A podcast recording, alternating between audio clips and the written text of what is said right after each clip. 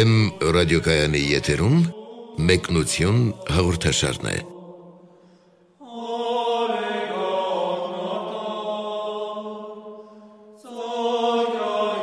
Սիրելի ունկնդիրներ, Վեմ ռադիոկայանի եթերում մեկնություն հաղորդաշարն է, որի ընթացքում ներկայացնում ենք Աստվածաշնչի առանձին գրքեր, դրանց առավել կարևոր հատվածների բացատրություններով։ Ձեզ հետ են արժանապատիվ Տեր Մեսրոպ Քահանա Արամյանը եւ Արա Սարգսակյան Նալչաջյանը։ Այսօր խոսենք Սուրբ Պողոս Առաքյալի Կորինթացիներին ուղված առաջին թղթի 7-րդ գլխի մասին, որտեղից ընտրել ենք հետեւյալ բնաբանը. Յուրաքանչյուրին Աստված ինչպես որ կանչեց, թող նա այնպես էլ ընթանա։ Օշնյա Տեր հայր։ Աստված օշնի։ Պողոս Առաքյալը շարունակելով խոսքը այն բանից հետո, երբ նա եկեղեցում եղած բացասական երևույթների, տարաձայնությունների եւ այլ նմանատիպ խնդիրներին է անդրադառնում, շարունակելով խոսքը, այսպես է ասում. Իսկ այժմ այն բաների մասին, որ ինձ գրել եք։ Եվ արդեն սկսում է խոսել մարդկանց անձնական հարցերի վերաբերյալ հոգևոր ուսմունք, աստվածային ուսմունք է հայտնում տղամարդու եւ կնոջ հարաբերությունների վերաբերյալ։ Լավ է տղամարդու համար կին արարածին չմերձենալ, բայց չփորնկանալու համար յուրաքանչյուր մարդ թող իր կինը ունենա, եւ ամեն կին իր մարդը։ Թող մարդը կնոջ հանդեպ իր պարտքը կատարի, նույն ձևով եւ կինը իր մարդու հանդեպ, որովհետեւ կինն իր մարմնի տերը չէ, այլ մարդը, նույնպես եւ մարդը իր մարմնի տերը չէ, այլ կինը։ Տեսնում ենք այստեղ առաքյալը ասում է, որ աստորեն տղամարդու եւ կնոջ միությունը չփորնկանալու համար է, սակայն արդյոք այդքան պրոզաիկ է իրականում դրվածքը։ Պարզապես չփորնկանալու համար չէ, որ այնտեղ կան ավելի խորքային, ավելի հզոր հանգամանքներ, ինչպես սերը օրինակ։ Քանի որ հենց մեղքի անկման պատճառով, կրքերի պատճառով բավականին աղավաղված է մարդու եւ կնոջ փոխհարաբերությունը։ Պողոս Արաքյալը ասում է, որ լավ է կնոջ չմոտենալ Առհասարակ, առհասարակ եւ ինքը ընդհանրապես իր օրինակն է բերում եւ իր օրինակն էլ պարզապես իր օրինակը չէ, Քրիստոսի օրինակն է դրանով ցույց տալով մարդկային բնության բացարձակ անկիրք վիճակը, այսինքն սուրբ վիճակը։ Եվ այդ օրինակն է հաստատում Պողոս Արաքյալը բոլորի համար, ասելով, որ սա է բացարձակ ճշմարիտ վիճակը, եւ նույնիսկ եթե մենք ունենք ամուսնական կյանք, դա չի նշանակում, որ մենք այս վիճակի մեջ չպետք է լինենք կամ դա չպիտի լինի մեր կատարելատիպը այսինքն մաքրությունը, անկրկությունը, սրբությունը պետք է լինի մարդկային կյանքի հիմնարար ձգտումը։ Եվ դրանով է, որ մաքրվելու է տղամարդու եւ կնոջ միջև փոխհարաբերությունը։ Այսինքն ունենալով դա քո աչքի առաջ դու կարող ես հասնել նաև այդ ամուսնական փոխհարաբերությունների որոշակի մաքրության եւ դա նպատակին ծառայեցնելու, որտեվ մեծավ մասամբ այդ հարաբերությունը նպատակին չի ծառայում։ Ասենք օրինակ մի բան, որը դրված է սերնդագործության համար, վերածվում է անիմաստ սեքսուալիզմի եւ ամբողջ մի կեղծ մշակույթ է ստեղծված սпасարկելու դա եւ գրգռելու մարդկանց մեջ այդ կեղծ վիճակները, կեղծ երանության կամ հաջողամոլության այդ վիճակները կտրելով մարդուն մարդկային կյանքի բուն նպատակից։ Իսկ բուն նպատակը ո՞րն է։ Սրբությունը։ Սրբությունը անկիրք վիճակը, այսինքն այն ինչ որ առաքյալները կամ հենց ինքը Տերը արծարծել են իրենց կյանքում ցույց են տվել այդ օրինակը։ Դրա համար ասում է, որ կա մարդկային այդ փոխհարաբերությունը, կա ամուսնական կապը, բայց այդտեղ կա փորձություն։ Եվ քանի որ նախորդ գլուխներում էլ ինքը խոսեց հենց pornokության մասին, pornokության հոգու մասին խոսեց։ Ինքը ասում է, որ այդ ապականության մեջ թափանցել է մարդկային բոլոր հարաբերությունների մեջ։ Դա այս կամ այն ձևով, պոտենցիալ ձևով հնարավոր է նաև ընտանեկան փոխհարաբերությունների մեջ սողոսկած լինի ոգին։ Նորից եմ ասում, կարող է դու ընտանեկան քո ֆորմալ փոխհարաբերությամբ դու ազատ ես այդ մեղքից, ֆորմալ ձևով ազատ ես այդ մեղքից, բայց հոգեպես դու կարող ես ծառայել դրան ֆիզիկապես չգործել այդ մեղքը, սակայն մտքով անznատուր լինել դրա։ Մտքով անznատուր լինել եւ այդ իմաստը դնել նաև այդ անznական փոխհարաբերության մեջ կամ դրան ծառայեցնել։ Դրա համար Պողոս Արաքյալը չի ասում սոսկ դրա համար է ընտանիքը կամ ամուսնական փոխհարաբերություն, պարզապես դրա համար են։ Ինքը ասում է, որ դա հզորագույն զենքն է ազատ լինելու, հերու լինելու այդ բորնակության ախտից։ Այնուհետև շարունակելով նույն թեմատիկան, առաքյալը ասում է. «Մի զրկեք միմյանց, այլ միայն այն դեպքում, եթե միաժամանակ համաձայն եք, որ աղոթքի նվիրվեք, եւ վերստին միմյանց դարձեք, որպեսզի սատանան ձեզ չփորձի ձեր անժուշկալության պատճառով։ Այս ասում եմ թույլ տալով եւ ոչ թե հրաման տալով, որովհետեւ ուզում եմ, որ ամեն մարդ լինի այնպես, ինչպես ես եմ, բայց յուրաքանչյուր ոք իր շնորհն ունի Աստծուց, մեկն այսպես ու մյուսը այնպես»։ Ասում է յուրաքանչյուր ոք լինի այնպես, ինչպես ես եմ, այսինքն կուսակրոն հենց այդ իմաստով է Պողոս Արաքյալը գործածում, այսինքն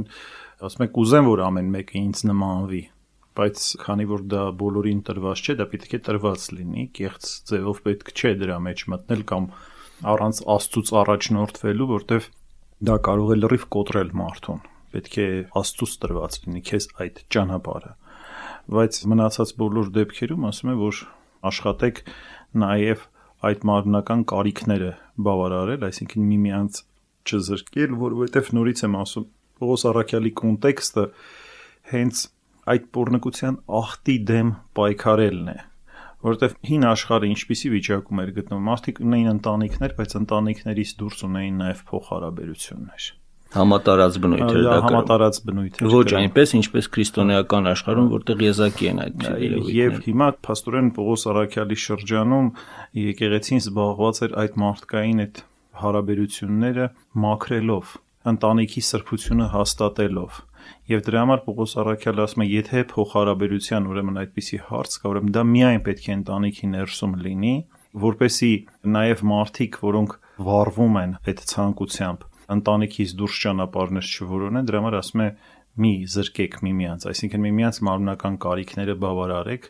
որպեսի այդ ախտը չառաջանա, բայց նաև դնում է մի կարևոր սկզբունք, ասում է, բայց միայն եթե փոխադարձ համաձայնություն կա հոգևորի ընտրվելու, այսինքն աղոթելու, պահք պահելու, ժուշկալելու, է այդ ժամանակ թույլատրելի է երկուսի փոխադարձ համաձայնությամբ եւ նորից իր օրինակն է բերում, ասում որպեսի իրեն նմանվեն, ցույց տալով, որ ինչքան ընտանիքի մեջ այդ փոխադարձ համաձայնությամբ այդ աղոթքի այդ ոգին լինի դրված, այնքան ավելի կանոնավորվելու են նաև այդ ֆիզիկական փոխհարաբերությունները։ Իդեպ այդ վերջին միտքը գրափար տեքստում ասում է, որպեսի ուխտիցն պարապիցեք, այսինքն որոշ տարբերակներում կա աղոթքի եւ պահքի մեջ վարժվելու համար այս տարբերակը այո կամ աղոթքի մեջ վարժվելու համար աստորեն ինչ է ստացվում եթե տղամարդն ու կինը շարունակում են իրենց անկողնային հարաբերությունը բնականon իրենց ամուսնական կյանքը ուրեմն աղոթական կյանքը դադարած է ընտանիքում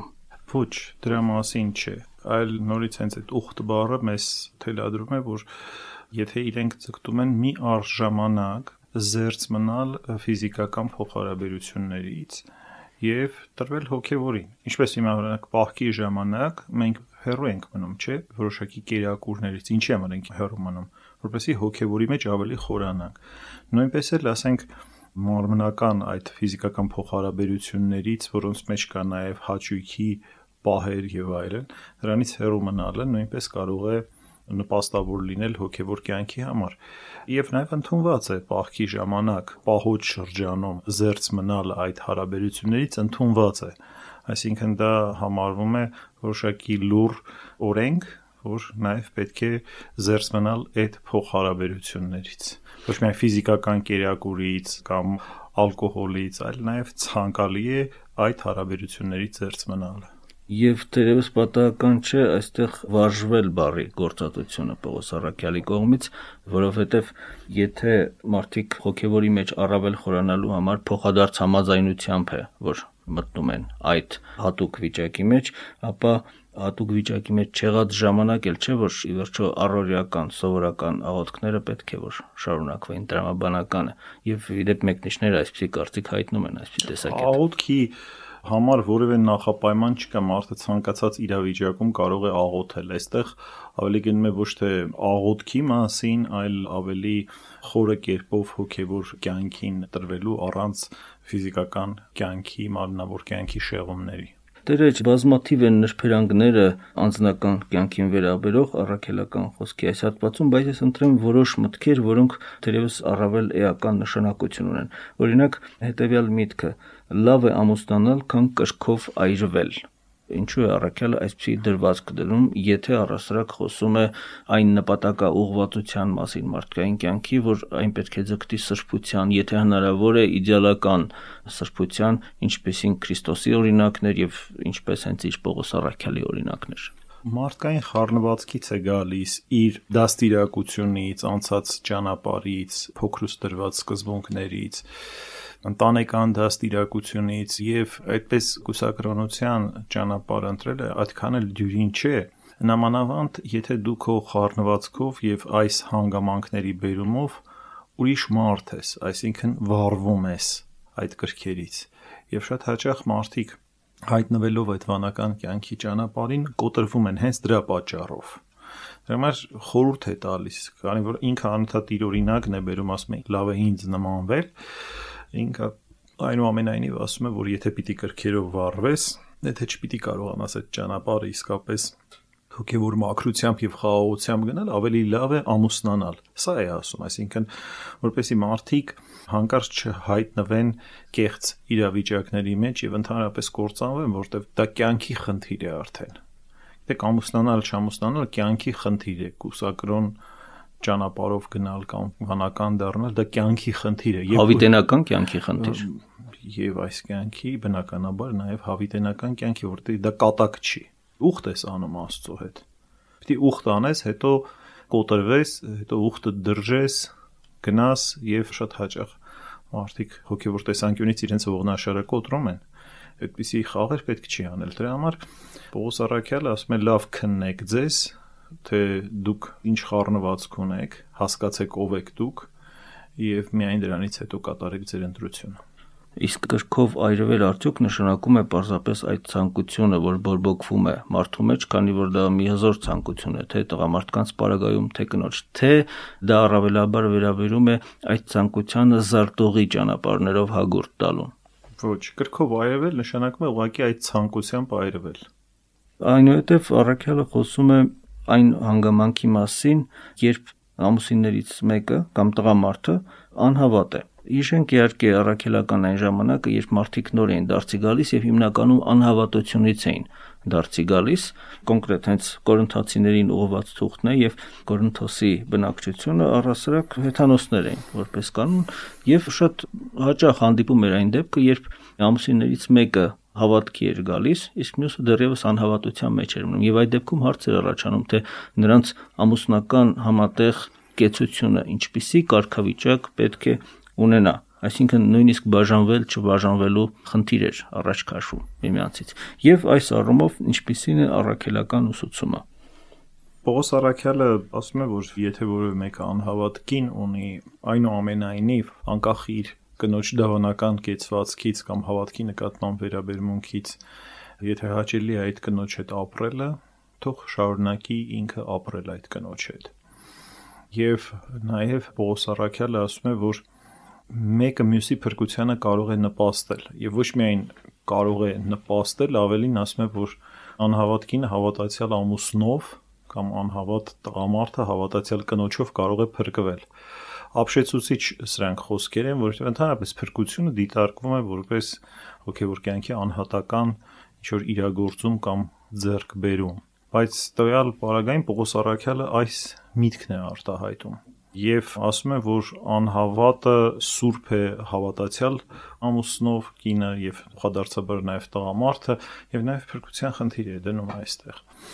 Ահա դուք երկրորդեցիք առաքյալի խոսքերը տերեր գործածելով եւ սրբվել բառը եւ փրկվել բառը։ Այսինքն կինը տղամարդով եւ տղամարդը կնոջով կարող է սրբվել թե փրկվել։ Արդյոք մենք տարբերություն չպետք է դնենք այդ երկու բառերի մեջ, թե դրանք նույն բանն են այստեղ նշանակում ըստ էության եւ նույն նպատակաուղղվածությունն ունեն։ Նախ Պողոս Արաքյալը երկու հանգամանք է դնում սուրբ բառը այստեղ ինքը օգտագործում է սրբություն առումով, որ այլևս ինքը մեղքի մեջ չէ Այսինքն, եթե կինը ասում են, որ հավատք չունի եւ այլ հանգամանքներ ամուսնական կյանքի խոչընդոտող չկան, իսկ կարող են նաեւ լինել այլ հանգամանքներ, այսինքն ամեն ինչում ինքը իր ընտանեկան պարտականությունների մեջ կամ իր սիրո մեջ ինքը լիարժեք կերպով է դրսևորվում, բայց դեռ չի ընկալում այդ հոգևորի ճշմարտությունը, ինքը ունի բնականորեն շատ մերձ վիճակ հոգևորին կամ բնական օրենքով է ինքը շատ մերձ Աստծուն նախ այդ վիճակում գտնվող կինը անկախ նրանից որ ինքը կամ տղամարդը հավատք ունի թե չունի չի դիտվում որպես մեղքի մեջ եղած վիճակ այլ ասում է համարում են որ դա սրբություն է այսինքն ինքը ընտանեկան սրբության այդ շնորի մեջ է գտնվում նաև զավակների սրբության մասին նաև զավակները ասում են այլապես ձեր զավակները պիտի պիղծ լինեն բայց պիղծ չեն չէ ասում են սուրբ են ուրեմն նշանակում է իրենք ընտանեկան սրբությունից են ծնված այսինքն այս կամ այն ամուսինը լինի հավատացյալ կամ ոչ հավատացյալ Եթե մյուս ամուսինը իսկապես հավատքի կրիչ է եւ նրանց մեջ կա սեր եւ կա ճշմարիտ ընտանեկան փոխհարաբերություններ,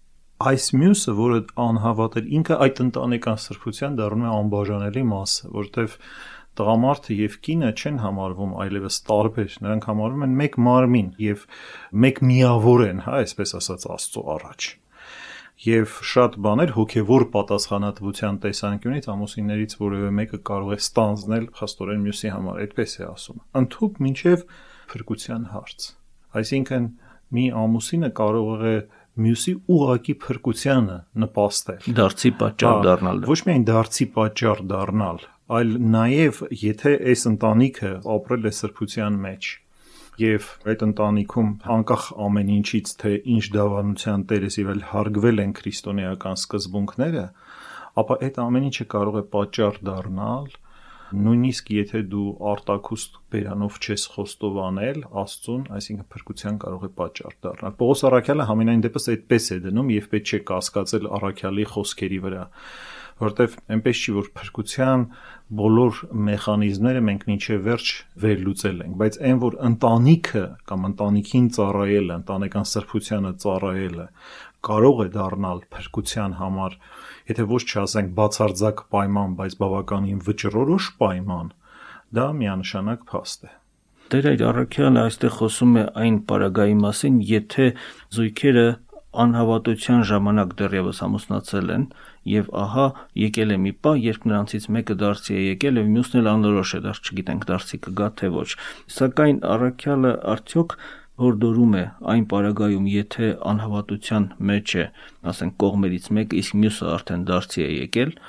բայց կա փոխադարձ զգացմունք, այդ դեպքում ամուսնանալ ինչպիսին է դրվածքը եկեղեցում այս պարագայում եւ այդ խնդիրը թերևս օտար չէ նաեւ մեր իրականության համար ոչ միայն այն վաղնջական ժամանակների երբ քրիստոնեությունը դեռ նոր էր սկսում հաստատվել երկիր մոլորակի վրա այլև հենց մեզանում գուցե մարդիկ իրենց կյանքի որոշակի փուլում են միայն հավատքի գալիս գուցե դեռ հավատքի չեկած ժամանակ իրար սիրում են եւ ահա այդպիսի խնդրի առջև են կանգնում նոր ընտանիք կազմելու համար անհավատը հավատացյալի հետ կարող է ամուսնանալ թե ոչ եթե կա սեր ընդհանրապես եթե որ մեկը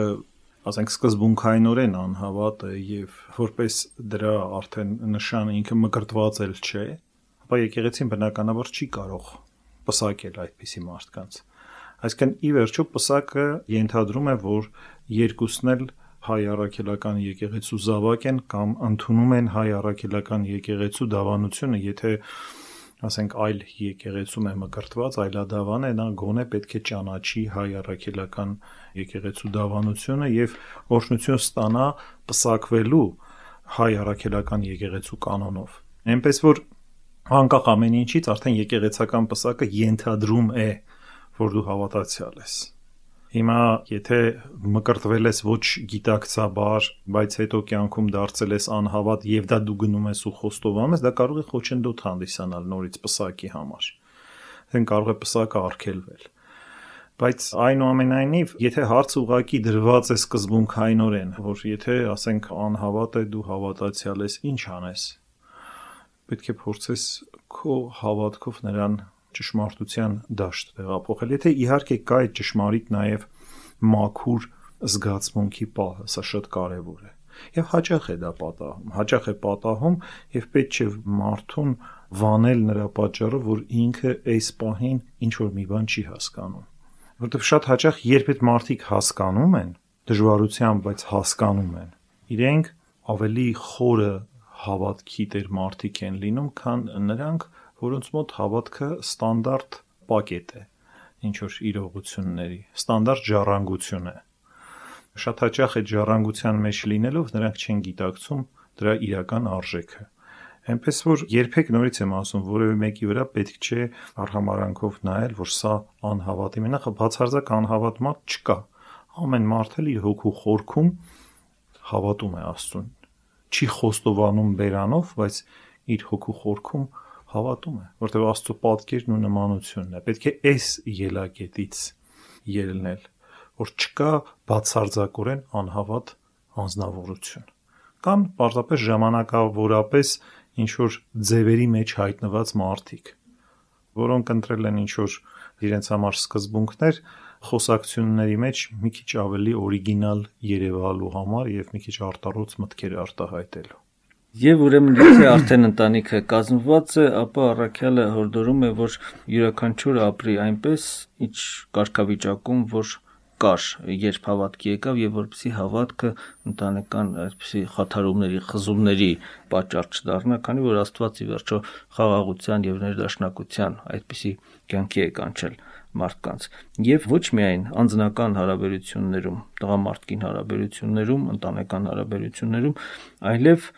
կյանքի այլ հանգամանքներին վերաբերող դեպքերում եւս օրինակ ասենք թլպատված լինել չլինելու պարագայում կամ ասենք ծառա կամ տեր լինելու պարագայում չէ որ մարդիկ կյանքում կարող են ուրիշների մոտ աշխատել որպես ծառա եւ կարող են իրեն գործի տեր լինել եւ ահա կյանքի այդ փուլում մարդը դարձի է գալիս դառնում է դեպի Քրիստոս հավատք է ստանում Աստծուց եւ ահա խնդիր է առաջանում թե ինչպիսին պետք է լինի նրա բնականon այդ կյանքի շարունակությունը արդյոք ինչ որ մի կտրուկ շրջադարձ պետք է լինի այն զբաղման մեջ, որով մարդը զբաղվում էր մինչև դարձի գալը, թե ոչ։ Եվ ահա առաքյալը այդ միտքը, որ անձնական հարաբերությունների վերաբերյալ էր ասում, երկրորդում է նաև կյանքի այս հանգամանքների վերաբերյալ, թե ապրիր այնպես, ինչպես որ Աստված քեզ կանչեց։ Խնդրեմ բացատրեք, ինչով է սա պայմանավորված առաքելական այս դրվածքը։ Ընդհանրապես ամեն մարդ պետք է իր տեղում գտնվի, ոչ թե ուրիշի տեղում։ Շատ կարևոր է, որ դու քո տեղում լինես ոչ թե երբ կան միշտ դու քո տեղից բացակա լինես։ Մարդիկ կան, որոնք միշտ իրենց տեղից բացակա են, այսինքն իրենք Աստծո առաջ կանգնած չեն, չեն գիտակցում, որ ամենակարևոր բանը ոչ թե այս կամ այն տեղում լինելն է, այլ Աստծո առաջ լինելն է։ Երբ որ Աստծո առաջ չես, դու ոչ մի տեղում էլ չես։ Դու քո տեղը կորցրել ես կյանքում։ Ասում եմ, որ եթե դուք որևէ տեղում գտնվում եք, ասում եմ, մնացեք այդ տեղում ամենակարևոր հանգամանքը ոչ թե ձեր աշխարհիկ դիրքն է, այլ որ դուք Աստծուց կանչվեցիք։ Եվ առաքյալը հորդորում է մարդկանց, ասում է մարդկանց ծառաներ մի եղեք։ Ի վերջո ինչպիսի ծառայության մեջ էլ դուք լինեք, ինչպիսի իրավիճակից էլ դուրս եկացած լինեք, մարդկանց ծառաներ մի եղեք, այլ ձերկ բերեք այդ հոգևոր ազատությունը, Աստծուն ծառայեք, դուք Աստծո ծառաներ եք։ Դուք Աստծունն եք մարդու սեփականությունը չեք։ Անկախ նրանից դու այս կյանքում ծառա էիր եւ այդ վիճակում կոչվեցիր,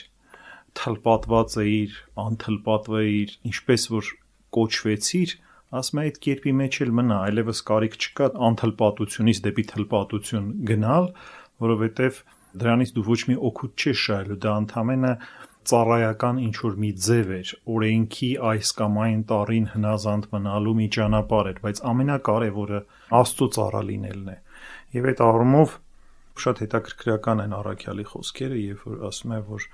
մարդկանց ծառաներ մի եղեք, այսինքն սրանով առաքյալը նաև կարելի ասել մի նոր աշխարհակարգ է հաստատում ամբողջ հեթանոսական աշխարհում, ասելով որ մարդը ընդհանրապես որևէ մեկի ծառան չէ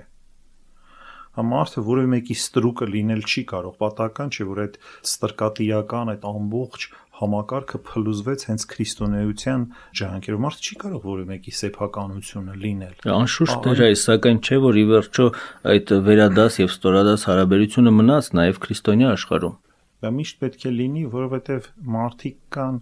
որոնք պետք է կառավարեն ինչ որ process-ներ, մարդիկ էլ կան, որ պետք է ինչ որ process-ներում կառավարվելով աշխատանք կատարեն։ Իրենց ավելի հեշտ է այդպես աշխատանք կատարելը։ Ոմանք երկուսն էլ, որոշ process-ներում կառավարվելով, որոշ process-ներում կառավարելով։ Բայց ես ուզում եմ ձեզ ասել, որ երկուսն էլ ծառայություն են։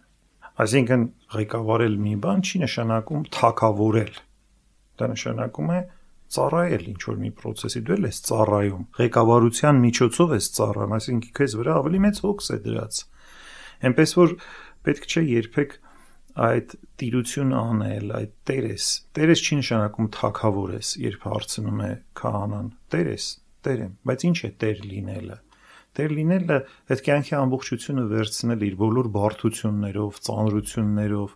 դա իսկապես ծառայասիրություն է, դա ծառայել է, որովհետև դա նաև շատ մեծ հնազանդություն ունի իր մեջ այդ Տեր լինելը։ Անկամ եթե Տեր ես, միևնույնն է, շարունակում ես մնալ Քրիստոսի ծառան։ Անկամ եթե Թագավոր ես, եթե երկրի նախագահ ես, Քրիստոսի ծառան ես։ Պաշտոն, բառը քրիստոնեության մեջ նշանակում է ծառայություն, սпасավորություն։ Պաշտոնյա նշանակում է ծառա, Իսկ մեր մոտ բարձր դիրք է հասկացվում։ Մոտ նշանակում է ինչ որ թակավորի իշխանիկներ եւ այլն։ Պաշտոնյաները այդպես են մտածում, բայց պաշտոն, պաշտեմ բառը գրաբարում նշանակում է ծառայեմ, սпасարկեմ։ Դեր հայր շարունակելով իր խոսակցությունը առաքյալը դարձյալ խոսքի հունը ուղում է դեպի անձնական հարաբերություններ, առավել շեշտադրումներ կատարելով կուսության հանգամանքի վրա, կուսությունը պահելու կուսական կյանքով ապրելու հանգամանքի վրա եւ դարձյալ իր օրինակն է վերում, քանի որ ինքն էլ կուսակրոն հոգեվորական էր Պողոս առաքյալը։ Եվ բերելով իր օրինակը ասում է. «Կարծում եմ, թե այսպես լավ է, այն նեղության պատճառով, որ ներկայումս կա։ Մարդու համար լավ է, որ այսպես լինի»։ Կապված ես կնոջ հետ, մի փորձիր արձակվել։ Չես կապված, կին մի փնտրիր։ Սակայն եթե ամուսնանաս, մեղք գործած չես լինի։ Եվ եթե կույսն ամուսնանա, մեղք գործած չի լինի, բայց այսպիսիները մարմնի նեղություն են ունենալու։ Իսկ ես պիտի խնայեի ձեզ։ Բայց չէ որ Տեր այր մարդկանց մեծ մասը ամուսնացյալ են եւ քիչ մասն են կուսակրոն։ Եթե առաքյալը հորդորում է, որ լավ է մարդու համար, եթե նա ամուսնացած չէ, մնա կուսական վիճակով, ապա ինչ կրներ հասարակության վիճակը, մարդկային ցեղի սերնդագործությունը, շարունակությունը, զարգացումը եւ այլն։ Առաքյալը հստակորեն գիտի, որ դա շատերին տրված ճանապարհ չէ։ Հստակորեն գիտի եւ դրա համար միշտ ասում է, բայց լավ է, ասում է, արեք այսպես, բայց եթե կարող եք, նմանվեք ինձ, բայց եթե դա ձեզ տրված է։ Եղեք այդ քչերից, հա, այսինքն եղեք այդ քչերից եւ պետք է նկատի ունենալ, որ մի փոքր ավելի ուշ հենց այս շարժումը, այդ վանական շարժումը ծավալվեց ամբողջ աշխարհով մեկ։ Հազարավոր վանքեր աշխարհի տարբեր ցակերում բացվեցին սկսեց անապատական շարժումը, ճկնակեցական եւ այլն։ Եվ կարող ենք ասել, որ զարմանալի դա տվեց պատղաբերություն հոգևոր կյանքի։ Եթե մենք այսօր քրիստոնյաներս ինչ որ բանով սնվում ենք հոգևոր գրականության, ապա հենց այդ կյանքից ծնված ճշմարտություններն են, որ իսկապես լուսավորում են մեր քրիստոնեական գիտակցությունը դա դարձել է առանցք եկեղեցու պատմության շուրջ 2000 տարի վանական կյանքը եղել է հենց եկեղեցական կյանքի առանցքը նայենք մեր հայ հոգևոր ժառանգության վրա, շատ հեռու չգնանք։ Ինչ որ որ մենք ունենք, ուղղակի արգասիկ է վանական կյանքի, ովքեր են եղել մեր մեծերը։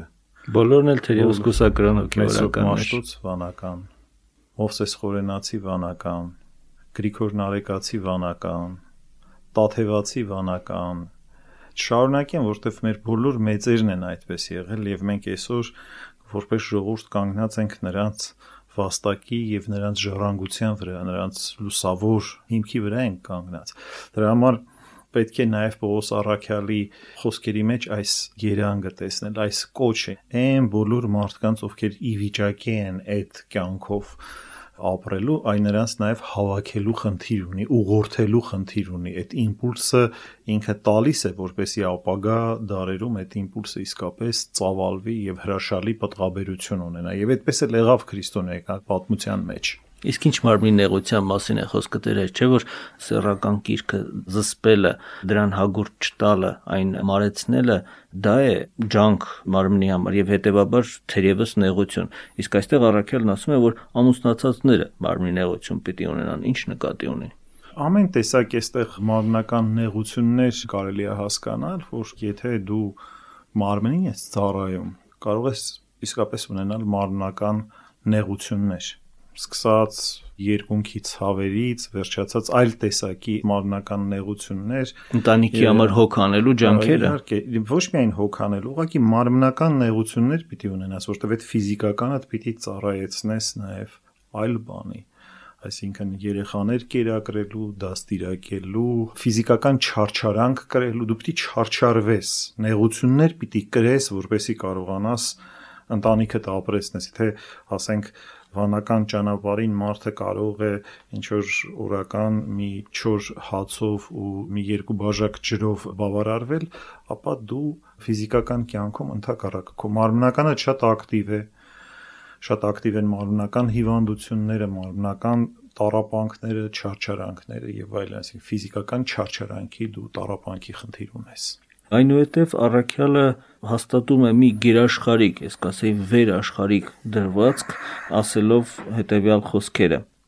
Բայց այս եմ ասում եղբայրներ, թե այսուհետև ժամանակը կարճ է։ Նրանք, որ կին ունեն, այնպես ապրեն, որպես թե ունեցած չլինեին եւ նրանք, որ լաց են լինում, որպես թե լացած չլինեին, եւ նրանք, որ ուրախանում են, որպես թե ուրախացած չլինեին, եւ նրանք, որ բան են գնում, որպես թե ունեցած չլինեին, եւ նրանք, որ աշխարհիկ կյանք են վարում, որպես թե վայելած չլինեին, որովհետեւ այս աշխարհը այնպես ինչպես որ է, անցնելու վրա է։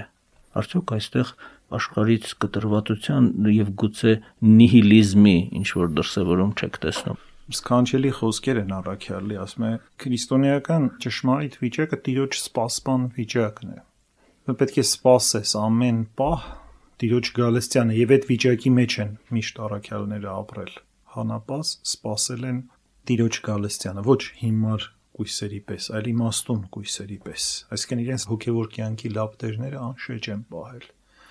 Ասում է դրա համար, եթե ամուսնացած ես,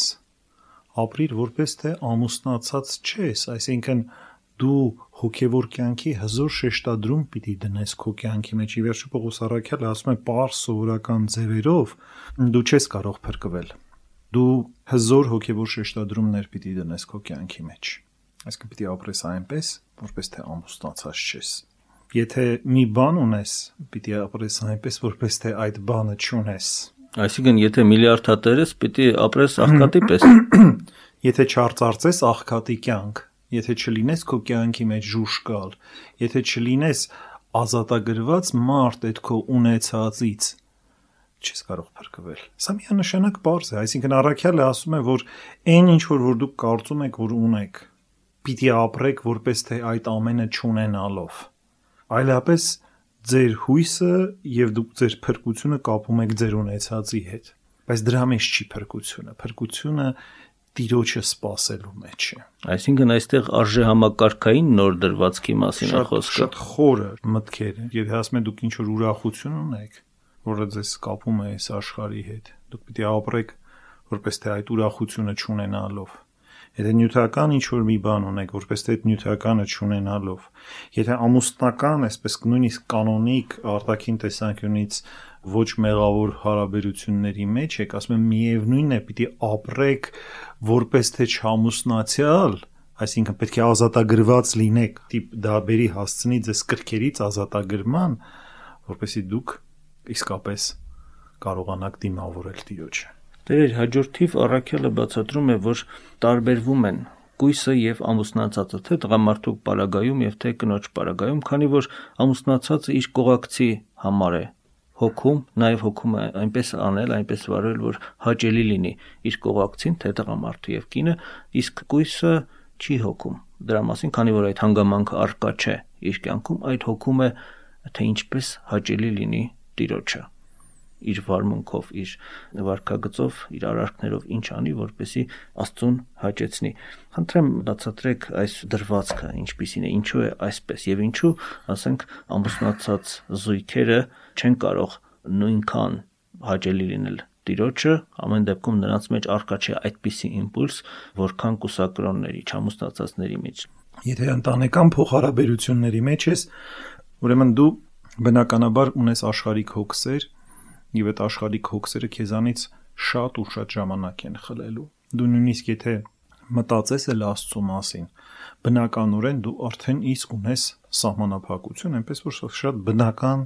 վիճակ է։ Այսինքն Աստծուն ամբողջանվեր ծառայության մասին է այստեղ խոսքը հասկանալի է։ Տեր այս եւ եւս մեկ միտք, որը փոքրինչ արտառոց էր ինձ համար, ընթերցեմ այն բառացի, ինչպես Աստվածաշնչում է գրված։ Իսկ եթե մեկը ամոթ զգա իր կույս նշանածի համար եւ եթե իր կրքի չափն անցել է եւ դա բնական է,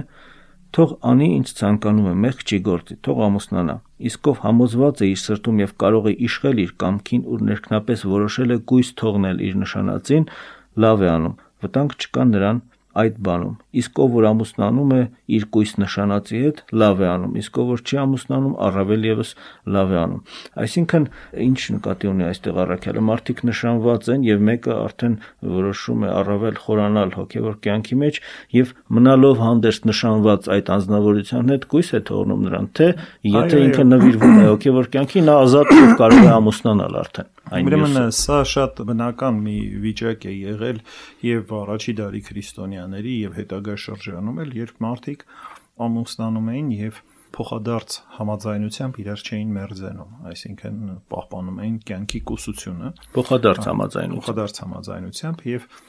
ուզում եմ ասել երեք ճանապարհ կա։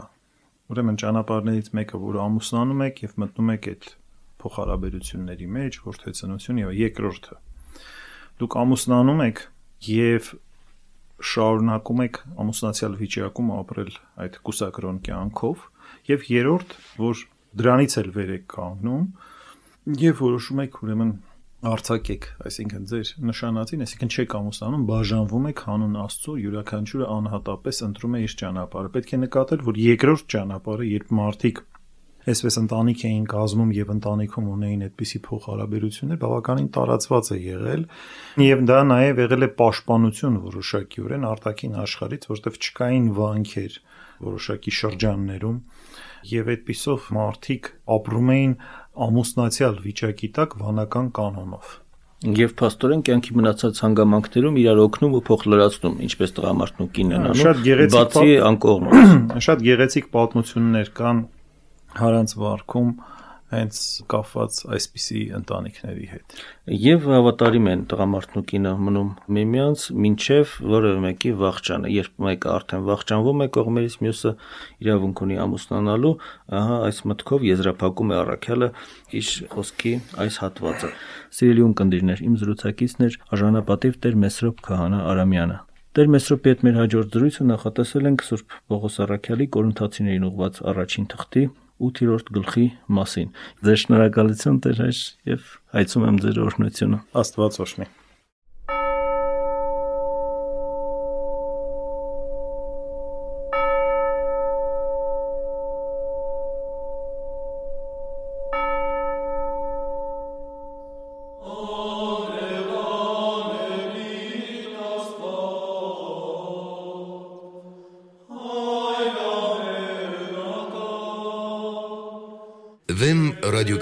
եթերում մեկնություն հաղորդաշարներ։